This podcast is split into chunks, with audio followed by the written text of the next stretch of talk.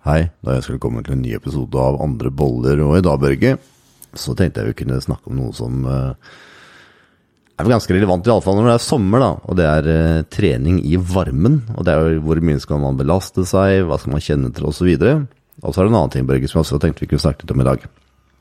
Jeg så et kjempeinteressant intervju med han godeste Da fikk jeg helt jernteppe på navnet. Han, han bodybuilderen som var politimann, vet du. Han Yes. Helt riktig. Og jeg så da selvsagt det som mange andre har fått med seg, det intervjuet med Ronny Coleman. Og han på en måte sier at han har 13 operasjoner, og så hele ryggraden hans er liksom måtte sveisa sammen til slutt.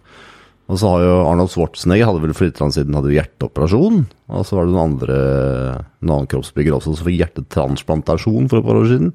Så det virker jo som disse kroppsbyggerne virkelig får kjøre seg i seinere tid, Børge. Så jeg tenkte vi kunne snakke om det etterpå, men la oss hoppe litt tilbake til det der med trening i varmene. For jeg kjenner det nå som eh, den der fjellgeita her driver og tråkker popper i disse fjelltoppene når det er varmt, så kjenner jeg pulsen blir høy, og det er, eh, det er hardere nå som med varmt. Mm. Ja, varme er jo stress, påkjenning, på samme måte som kulde er stress og påkjenning. Så det er jo greit å, å um, være litt bevisst på det. Når det gjelder varme, så vil jo kroppen også oppregulere puls, som du har merka, og så vil den uh, svette mer, sånn at man kan tape væske. Og når du da i tillegg trener, så øker det jo kroppstemperaturen, sånn at svette, altså svettemengden øker, så det er lettere å bli dehydrert. Eh, mange av de væskeanbefalingene vi har fått på å skal drikke mye vann, de kommer jo egentlig fra trening i høye temperaturer. Eh, og ikke nødvendigvis appliserbar til eh, nordmenn flest i eh, det klimaet vi har mesteparten av året.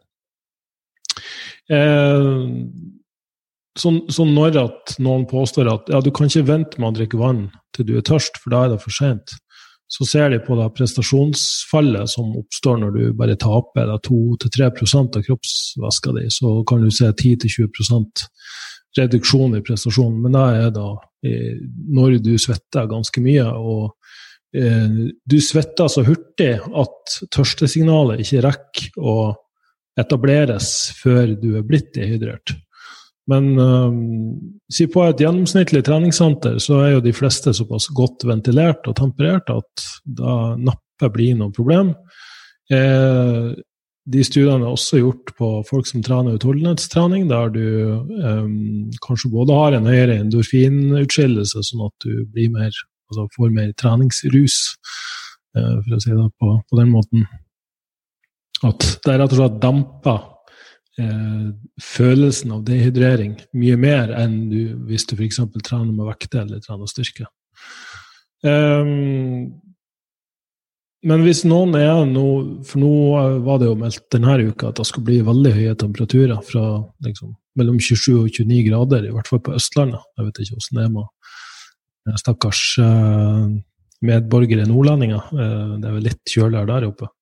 Men det, det, er nok fort gjort å glemme at vi kan, spesielt hvis du går, du har klær på deg, så går du i fjellet eller du går i skogen, at du svetter faktisk mye mer enn du kanskje legger merke til. Ja, du har kanskje noen ringer under armene og, og kjenner at det er litt klamt, men det kan fort gå en, en altså betraktelig vaskemengde i svette. Ja, for det her er lurt på, Børge. Jeg, jeg, har merket selv at jeg kan noen ganger være utrolig dårlig med det med vann. Og spesielt når jeg er på tur, så har jeg noen ganger har ikke med vann engang. Og det siste gangen så var jeg Jeg tror jeg var ganske sånn svett våt fra topp til tå, altså.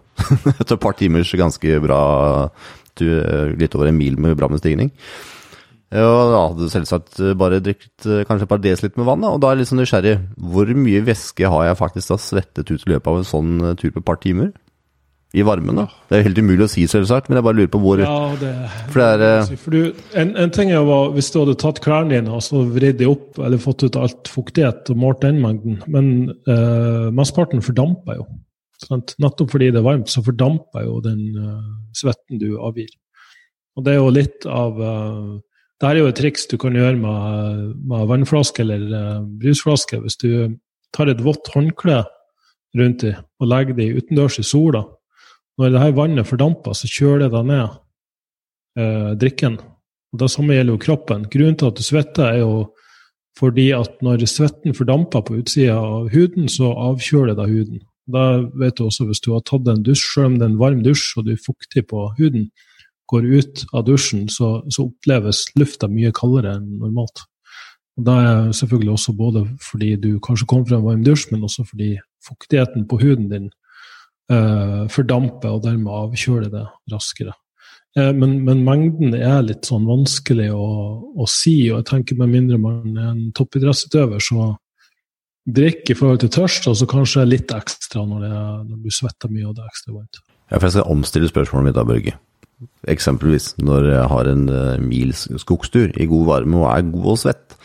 Trenger jeg å drikke en halv liter med vann, en liter med vann, to liter med vann? Altså det uh, hvor mye trenger man egentlig å drikke? For jeg kjenner at jeg er egentlig ikke så veldig tørst. Jeg sier en halvliter i timen, da. Noe sånt. Igjen veldig temperaturavhengig. Hvis det er skikkelig varmt og klamt, så Men, men det som å si, da. Det er jo gjort god forskning på det her, på, og da vil jeg si normale mennesker som er i normale situasjoner, ikke utholdenhetsutøvere, altså kenyanske langdistanseløpere f.eks., under ekstreme temperaturer. Folk flest så holder det faktisk å drikke når du er tørst. Det er det det. nødvendig å Ja, det er ikke nødvendig å Der brukes veldig i, i media liksom at du skal Det har en sånn forringende effekt og rensende effekt og blad i blad. Det her er ikke etablert i forskning, at ved å drikke store vannmengder Det som skjer når du drikker store vannmengder, det er nummer én at kroppen skiller ut mer vann. Så Du går oftere på do, og du svetter muligens også litt mer. Som regel går det mest i do, ikke ut av huden. Eh, nummer to er at til enhver tid så er det et visst forhold mellom eh, elektrolytter, altså salter, og væske i kroppen. Når du drikker store mengder vann uten at du eh, får i deg Eh, tilstrekkelig med salt i forhold til den vannmengden, så kan mange oppleve å eh, få veldig hodepine og bli veldig svimmel. og eh, Det er en tilstand som heter hyponatremi, dvs. Si at du har eh, for lavt salt i, i kroppen. Så, så, ikke ukritisk pimp vann i den troa at det skal ha en positiv effekt. Det finnes det ikke noe hold i forskning for å, for å si. Er det er ikke veldig ofte sånn at man bruker faktisk nettopp den teknikken der når man skal ta seg gå ned i vekt, hvis man skal på en type stille en konkurranse eller noe sånt? Det er ikke da man på en måte drikker veldig mye vann som på en måte er helt rent for at man nettopp skal ta seg, få skildret mest mulig vann fra kroppen? Ja, det stemmer. Når du drikker store vannmengder over en kort periode, så vil kroppen da ta Det er en sånn forsinkelse der også. Så tar det én til to dager før kroppen oppdager det her og begynner å øke væskeutskillelsen. Og når du da stopper vanninntaket, så tar det 12-24 timer for den merker at du har stoppa vanninntaket, og da vil den fortsette å skille ut vann som om du fortsatt drikker mye vann. Så jeg har gjort det sjøl, og det er klart det var et helt for jævlig to døgn der du, du var skikkelig svimmel og hadde hodepine og, og, og følte ikke bra i det hele tatt. Um, og jeg var vel oppe i en åtte til ti liter vann per døgn, liksom. Det er sinnssyke mengder. Så du må være i nærheten av et toalett hele tida, fordi du går på do én gang i timen. Er dette bra for nyrene, det? da?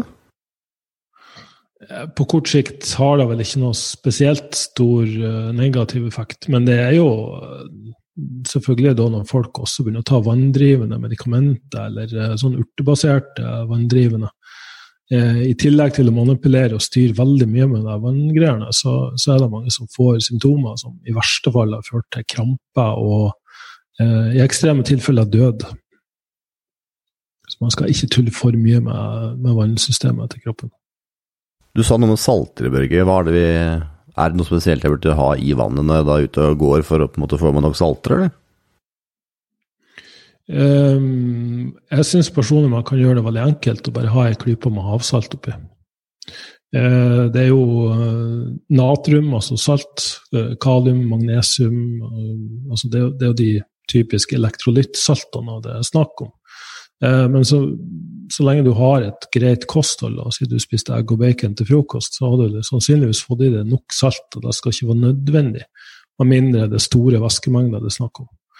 Um, men, men ha, ha, et greit saltinntak. Det er jo også en myte at man skal liksom unngå salt, med mindre du har en sykdom eller tilstand som gjør at kroppen ikke klarer å regulere det her sjøl, og du går på medikamenter som forstyrrer den balansen.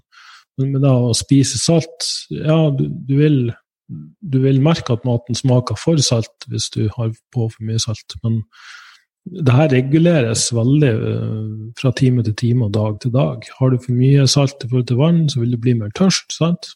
At kroppen trekker til seg mer vann. Eh, har du for lite salt og drikker for mye vann, så vil du liksom få hodepine og sannsynligvis cravings på salt. Så, så potetgull. Men jeg kjenner at det er som potetgull, Børge. Da, da, skjønner jeg at det er et eller annet som uh, trenger salt. Ja. ja.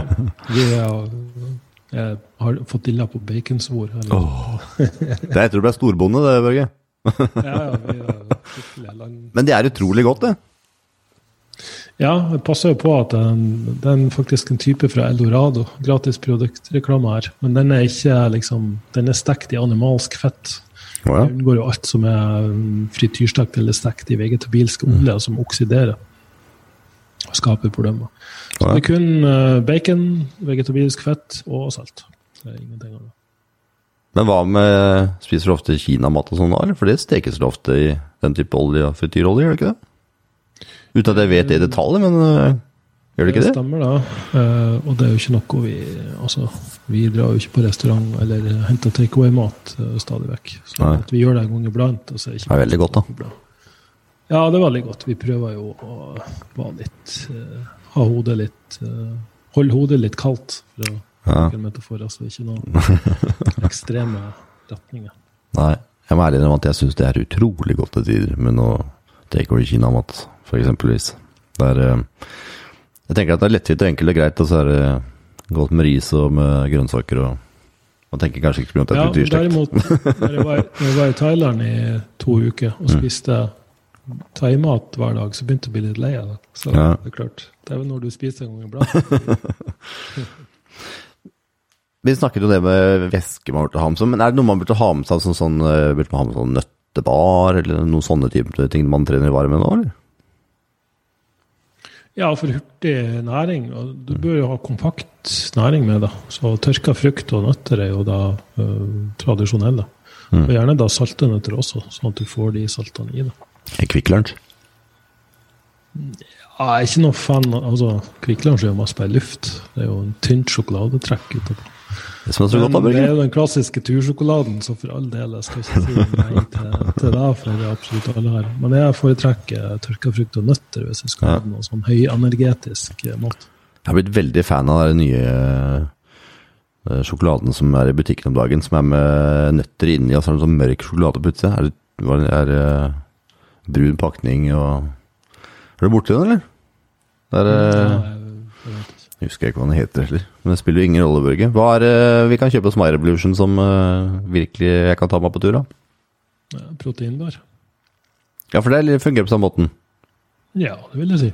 Ja. Det er jo greit med energi i en liten forpakning. Da vet jeg at uh, undertegnede skal da få seg noen uh, sjokolader fra My Revolution i pistasje. For det er min favoritt, ja, de, Børge. De som selger mest. Det skjønner jeg godt. Nå hopper jeg litt over til eh, godeste Ronny Coleman-intervjuet. For her med ærlig om at det her ble jeg først veldig imponert, for jeg husker hvordan eh, Ronny Coleman så ut den gangen. Han var jo svær som et eh, fjell. Ja. Og så sier han at ja, de målte den i 0,33 fettprosent. Det var det ja, første jeg tenkte på. Åssen i svarte går an å komme ned i 0,33% fett? Grunnen til det Han har, har jo nappet blitt målt med en såkalt DEXA, dvs. Si en dual X-ray, en røntgenskanner. De har nok sikkert brukt det fettklypa. Ja, så hadde den vært i vann? Fettklypen, hva? Og så hadde den vært i vann? Ja, den Bodpod, ja. ja. Ja, stemmer. Da måler du oppdriften eh, på den personen, kombinert med eh, hvor mye vann de fortrenger. Og så baserer du det her på beregninger på gjennomsnittlige personer som ligger mellom 10 og 15% i fettprosent, opp til 20 da, og 25 for kvinner. Eh, og da blir det en grei feilmargin for de som er ekstremt overvektige og ekstremt lavt i fettprosent. Og så har ekstremt høy eller lav fettprosent, ekstremt høy eller lav muskelmasse. Så det er nok årsaken. Eh, jeg har ikke hørt på det intervjuet sjøl, det ligger i lista mi. Jeg har jo lyst til å høre det. Han var jo en karakter, eh, virkelig. Er fin fyr. Um, men jeg vil nok Altså, det er jo fysisk umulig å komme noe særlig lavere enn 3-4 i fettprosent. rett og slett Fordi at det er fett som ligger rundt indre organer. Og alle som har sett de verste, største kroppsbyggerne, de har jo en mage som står veldig mye ut. Og det er jo både for, fordi indre organer vokser, men også fordi fettet rundt indre organer innenfor bukveggen uh, blir mye større. Så den reelle fettprosenten, hvis vi tar med da bukfettet, da, var nok sannsynligvis eh, sikkert rundt 6-7 til kanskje 8 Men underhudsfettet var jo minimalt, sånn at det var jo bare hud. Det var jo ikke noe fett. Så, så du så jo være sånn stripe i muskulaturen og detaljer liksom i, i det som ligger under huden. Ja, hvordan kan man kvitte seg med det ene fettet og ikke det andre fettet? Altså, hvordan fungerer det? Nei, det her er jo fordi de tar store doser med anabole hormoner eh, og veksthormoner som forandrer totalt på hvordan kroppen lagrer det her. Så kroppen vil jo trekke fett fra underhuden og, og, og lagre mer inni bukhula. Det er jo en form for eh, altså insulinresistens. Du ser folk med insulinresistens og diabetes type 2, de har også en, en stor mage. Sant? Og det er fordi at fettet på innsida av bukveggen eh, er kunstig forhøya. Så, så de her personene de tar jo til og med insulin sammen med veksthormon og anabole steroider i ganske så høye doser sammenlignet med den gjengse eh, si, gympersonen som eksperimenterer med sånne ting. Eh, når det er sagt, så tror jeg ikke vi skal liksom, undervurdere hvor hardt de har trener, og hvor genetisk eh, For genet må ha noe å si her, vel? Faktisk er. For det her er sånn som Ronny Coleman, før han tok i vekt Så han kom inn på, på det gymmet, går historien, da.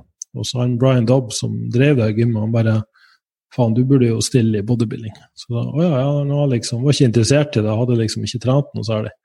Da var han liksom 100 kg med, med, synlige blodårer og, og, svære armer, liksom, før han hadde begynt å trene. Og Da ser vi de som har blitt Mr. Olympia og topp ti i Mr. Olympia, de Enten var de veldig store fra før, eller så bare svarte de ekstremt bra med en gang de begynte å trene. Eh, og da svarer de veldig ofte mye bedre enn normalt. Altså, jeg har jo vært i det miljøet i mange mange år, og jeg ser folk som tar fire-femdobbelte doser av det Ronny Coleman noensinne gjorde, og det Dorian Yates gjorde, og noen av de guttene her på toppen faktisk gjorde.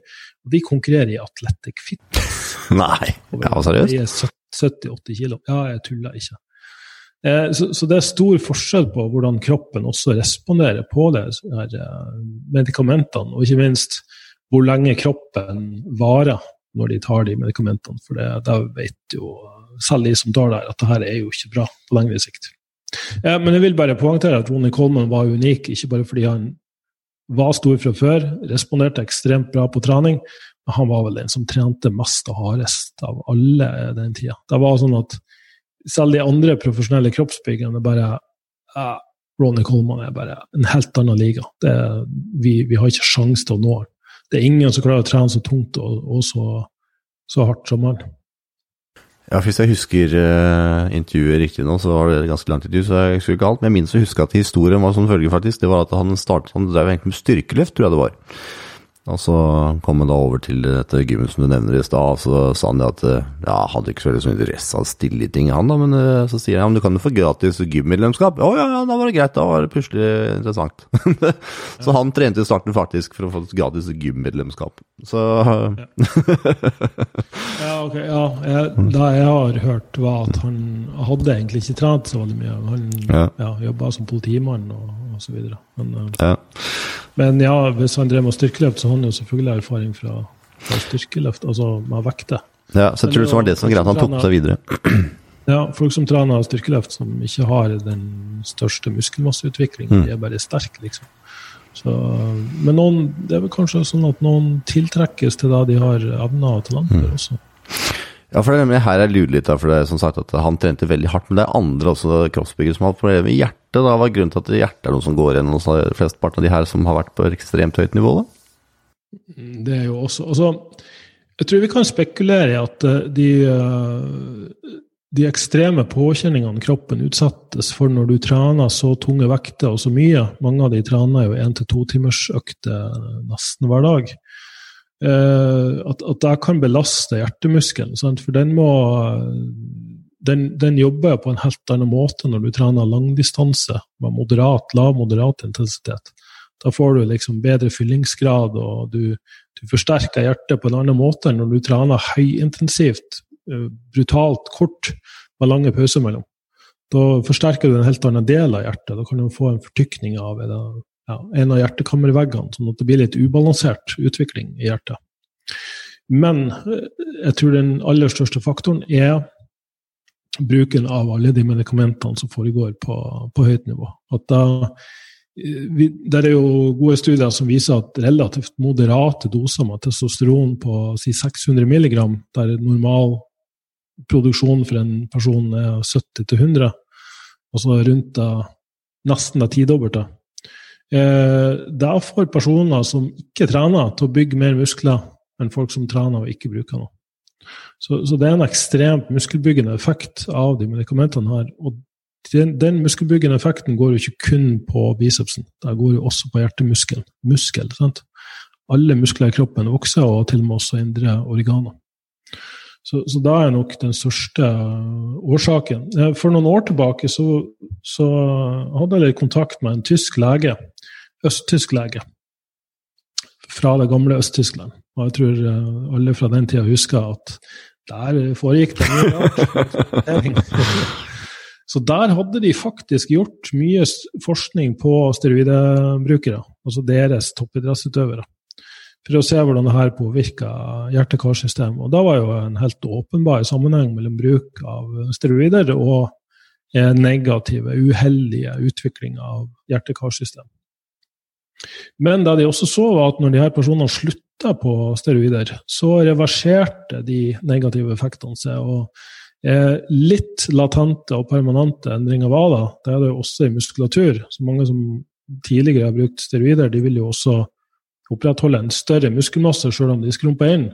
Eh, hvis du går på nettet og søker opp mange av de tidligere profesjonelle kroppsbyggerne, hvordan de ser ut i dag, lenge, så mange år etter at de avslutter karrieren, så er de, de er jo Altså, de ser ut som en normal person, men allikevel litt mer muskler enn en ja, person som aldri har brukt noe, ville hatt.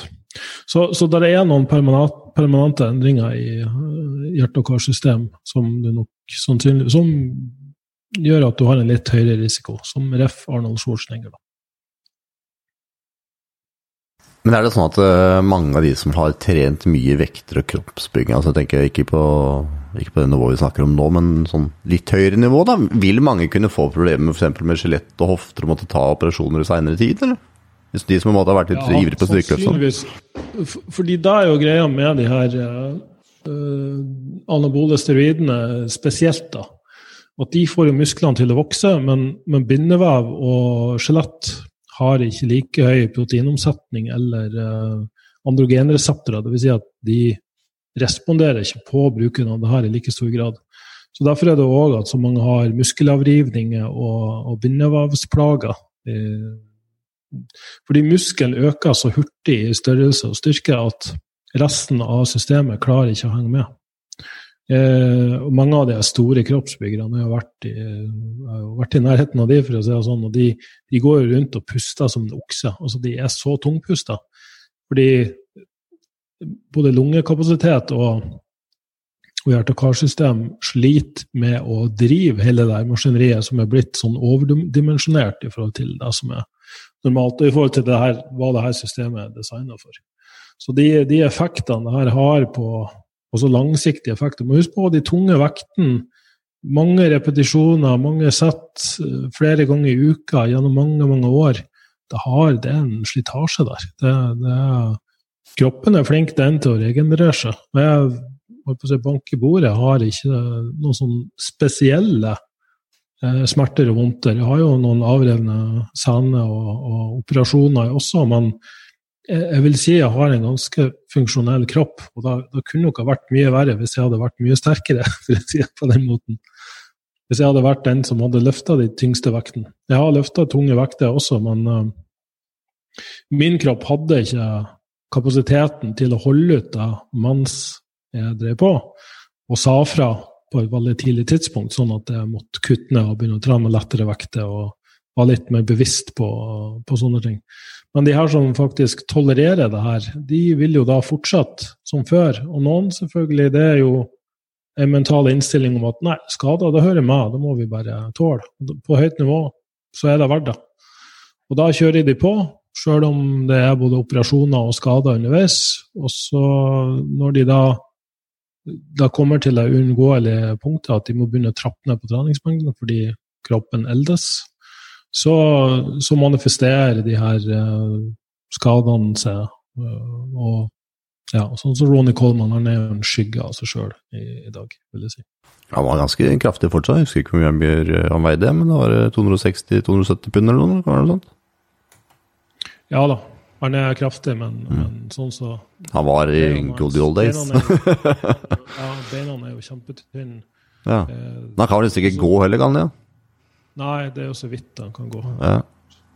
så jeg tror at han har hatt alle, de, alle de operasjonene det er jo 13 operasjoner er jo helt Han er jo mer, mer, maskin enn menneske. Ja. The next term, Ja, og han eh, liksom fortalte litt sånn der om at uh, han, Joe Rogan spurte om han hadde vondt. Så jeg kjenner egentlig ikke så veldig mye til det. Det var liksom, Og så vant med vondt allikevel. Da så var det den ene gangen han hadde fått en skiveutglidning, tror jeg det var. Det, og da fortsatte han å kjøre. Han kjente at det liksom skjedde noe gærent da på åttende repetisjon, men nei, han skulle ha tolv. Så da ja. fortsatte da. så jeg tenker det er noe med å faktisk høre til kroppen sin. Det er, balanser, det er den balanseringa vi har snakka om før. Da. Hvis den der, den der, de hardkjører blir for hardt. Ja, jeg tror for de her menneskene så uh, har de jo et verdisystem der uh, helse er langt ned på skalaen.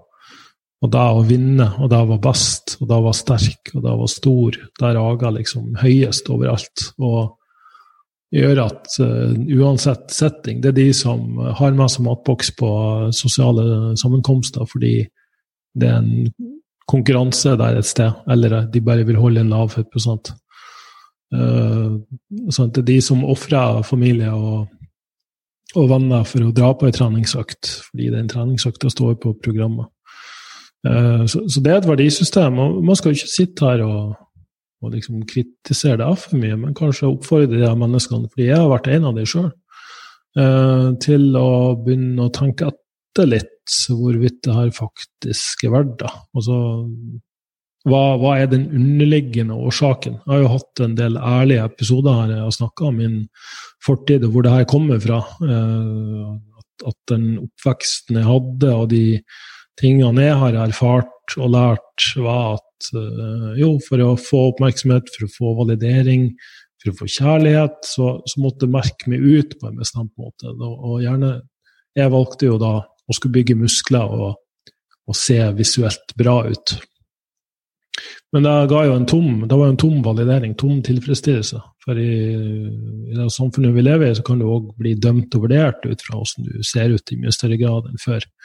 Så jeg jo, må jo kanskje få lov til å si sjøl at jeg er en ganske dyp reflektert person. Eh, som har, har uh, en, en, grei intelligens. Eh, men når du går rundt og har svære armer og, og vagger som en kroppsbygger, så blir du jo vurdert på, som noe helt motsatt. Så jeg har ofte fått hørt sånn Oi, da trodde jeg ikke om det. At du, at du var såpass reflektert eller dyp. Så, så, det er litt sånn at hvis vurderinga av det stopper opp ved skallet ditt, ved utsida di, så, så, er det kanskje ikke så mange som vil ta seg tid til å bli kjent med den på innsida. Og Den gangen så var det greit, fordi jeg trodde jo da at den som er på innsida, den er ikke verdt å bli kjent med. Så jeg, jeg gjemte og skjulte den og hadde på meg vil jo si, maske og spilte roller for å kanskje være litt kulere eller være litt uh, ja, mer i bestemte retninger som jeg trodde at folk ville like, heller enn bare være meg sjøl. Jeg, jeg turte ikke å la folk bli kjent med Børge Fagli, fordi jeg trodde ikke at noen ville synes at jeg var en, en ok fyr. Men uh, heldigvis, Børge, så fant vi at du var en veldig ålreit fyr. Og det tror jeg mange andre ja. som har funnet også, for det er, det er mange lyttere. Og grunnen til det, Børge, du er en jævla ålreit fyr. Ja, Neste gang vi skal prate sammen, Børge, så var det en ting som jeg leste på forskning.no i dag. Så jeg tenkte vi kunne snakke om neste gang. Og det er jodmangel i norsk eh, mat. Og hvorfor mange kvinner sliter Eller ikke mange kvinner sliter men det er mange som sliter med at vi har for lite jod i maten. Uh, og jeg tenker at det er vel noe vi kan snakke om neste gang. Det med Det kan vi sikkert inn litt, ja. For det med sammen med litt annen type kost, og det var vel litt eh, hvordan man burde unngå å spise meieriprodukter hos små barn, og heller spise plantebasert eh, kost, blant annet. Uh, Stendedrikken vi snakket neste gang. Jeg er allerede litt, litt skeptisk. Men ja, ja, ja det er, og det er det som jeg liker, vet du. For vi liker jo å få fram de forskjellige typer nyanser og ting, gjør vi ikke det? Det er jo mm. vi, Det er det som jeg syns er spennende med disse samtalene her, Børge, at vi kan få fram de forskjellige typer vinkler av ting, da.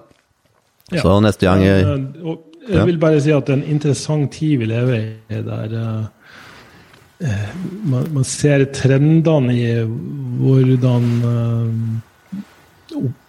folkeopinionen og mm. meningsbærere styrer diskusjonen. og den er gjerne ikke så forskningsbasert som det kan virke som. Nei, og det tenker jeg vi skal ta i samme episoden, for det, det kommer veldig mye fram om dagen der disse, de største universitetene vi har, vet om anerkjente må trekke tilbake pga. dårlig grunnlag. Så jeg tenker at det er mange ting vi kan snakke om, og det må være mulig, selv om vi får en mer og mer polarisert verden, å kunne snakke om ting og finne enigheter. Jeg tenker det er mer viktig enn noen gang. Ja, vi får masse kritikk, vi, men da tenker jeg jo mer kritikk vi får, jo bedre er det. For da er det i hvert fall noen som uh, vi klarer å vekke litt, og kanskje klarer å terge og irritere litt. Ja. Da da skape debatt og diskusjon, som forhåpentligvis gjør at vi alle kan lære litt mer. Og, og ettertanke. Vi liker ettertanke og refleksjon, og det vi har snakket om før. Så kjære lytter, gå inn på myrevolution.no og se ut på produktene som Børge selv har stått bak å utvikle. Jeg anbefaler virkelig det hvis ikke du har gjort det allerede. Og til neste gang, send gjerne inn forslag til tema eller gjester Børge skal snakke med eller om, til podcast at myrevolution.no. Til neste gang, Børge. Ha det bra, og kos deg så storbåndet til neste gang. Jo, takk for det, du. Ha det bra. Ha det.